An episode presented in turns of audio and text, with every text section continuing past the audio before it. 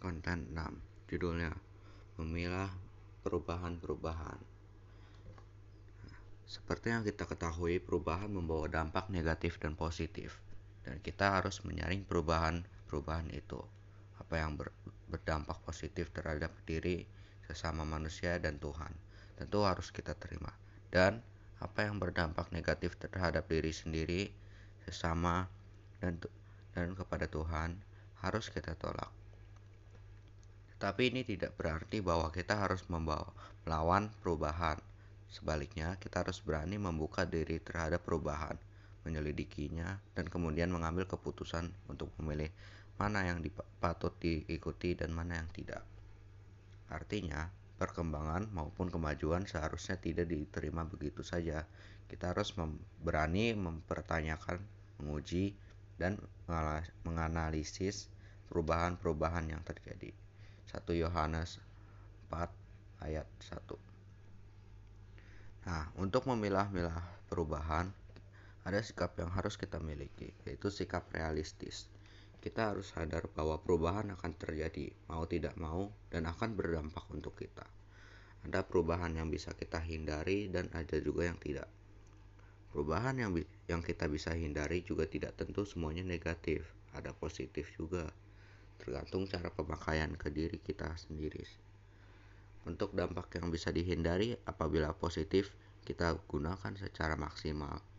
Jangan disia-siakan. Dan apabila negatif, jauhi sebisanya. Contoh dampak negatif yang bisa dihindari adalah dampak teknologi. Itu dampak positifnya adalah kita bisa menggunakan teknologi untuk menjabarkan kabar Injil lebih luas seperti lewat YouTube dalam video. Dan dampak teknologi juga negatif.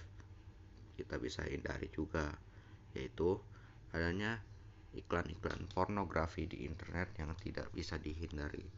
Karena eh, iklan-iklan seperti itu sangat banyak dan kita bisa hindari dengan cara ya tidak melihat iklan itu kita bisa tidak usah pencet kalau kita pencet kan kita dosa karena membuka pornografi. Oke. Dampak yang tidak terhindari itu seperti dampak teknologi juga. Teknologi kita hidup di tengah masyarakat, zaman sudah menjadi tangguh. Semuanya menggunakan internet.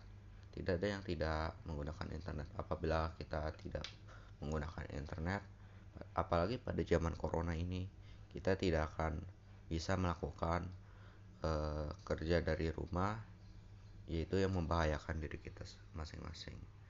Konten 6 selesai, terima kasih.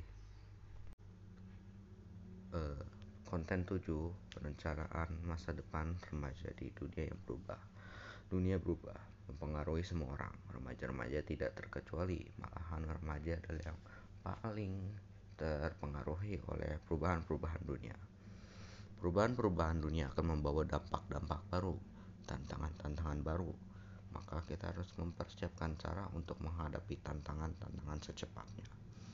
Walaupun tidak akan mulus dalam keadaan yang harus berubah ini, kita membutuhkan panduan yang jelas ke mana kita akan diarahkan.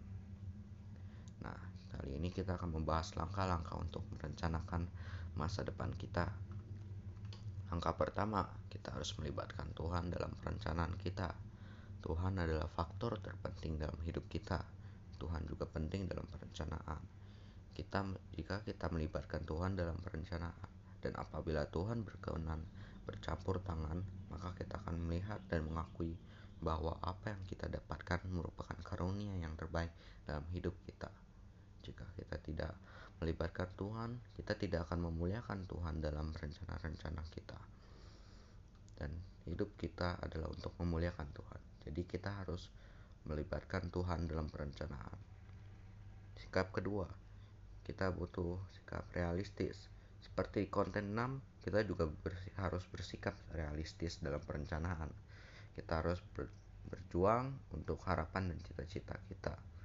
Jika eh, jika kita harus berusaha mencapai melalui cara yang sangat yang tepat jika harapan cita-cita tidak realistis, pada akhirnya akan menyebabkan ke kekecewaan dan dapat menimbulkan frustasi. Contohnya, harapan yang tidak realistis itu seperti ingin menemukan alien. Kan itu ya sangat bodoh ya. Tiga, kita harus merencanakan cara yang dipakai. Cara yang dipakai untuk harapan dan cita-cita kita harus tepat. Jika kita bercita-cita untuk menjadi dokter, kita harus belajar sampai pintar. Jangan menggunakan jalan pintas seperti ilmu hitam. 4. Kita harus mempersiapkan diri. Kita juga harus mempersiapkan hal-hal yang diperlukan untuk mencapai cita-cita kita. Jika ingin menjadi pendeta, maka belajarlah Alkitab. Kita pelajari Alkitab sampai kita sudah mengerti isinya.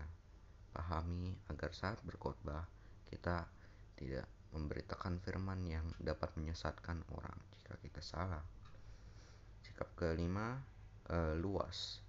Cita-cita atau harapan masa depan harus dirancang secara luas atau fleksibel. Artinya adalah jika cita-cita pertama tidak bisa dilakukan, maka kita harus ada cita-cita yang B. Jika cita-cita A terlalu susah di luar jangkauan kita e, tidak dalam rencana kita gagal maka kita harus ada rencana yang kedua nah sehingga bila kamu mengalami benturan atau hambatan kamu bisa segera menyesuaikan dengan tuntutan keadaan di situ tidak sedikit remaja yang gagal mencapai cita-citanya karena terlalu kaku pada pilihan mereka yang belum tentu benar. Akibatnya pada saat mereka gagal, mereka tidak mempunyai jalan lain keluar. Sikap yang terakhir, sikap keenam, mengenali potensi dan kecerdasan pribadi. Jika kita ingin mencapai harapan, kita harus tahu kemampuan kita, limit kita, apa kita bisa melakukannya. Jika tidak, persiapkanlah diri lebih matang, maka hasil harapan bisa terwujud dengan maksimal. Konten 7 selesai. Terima kasih.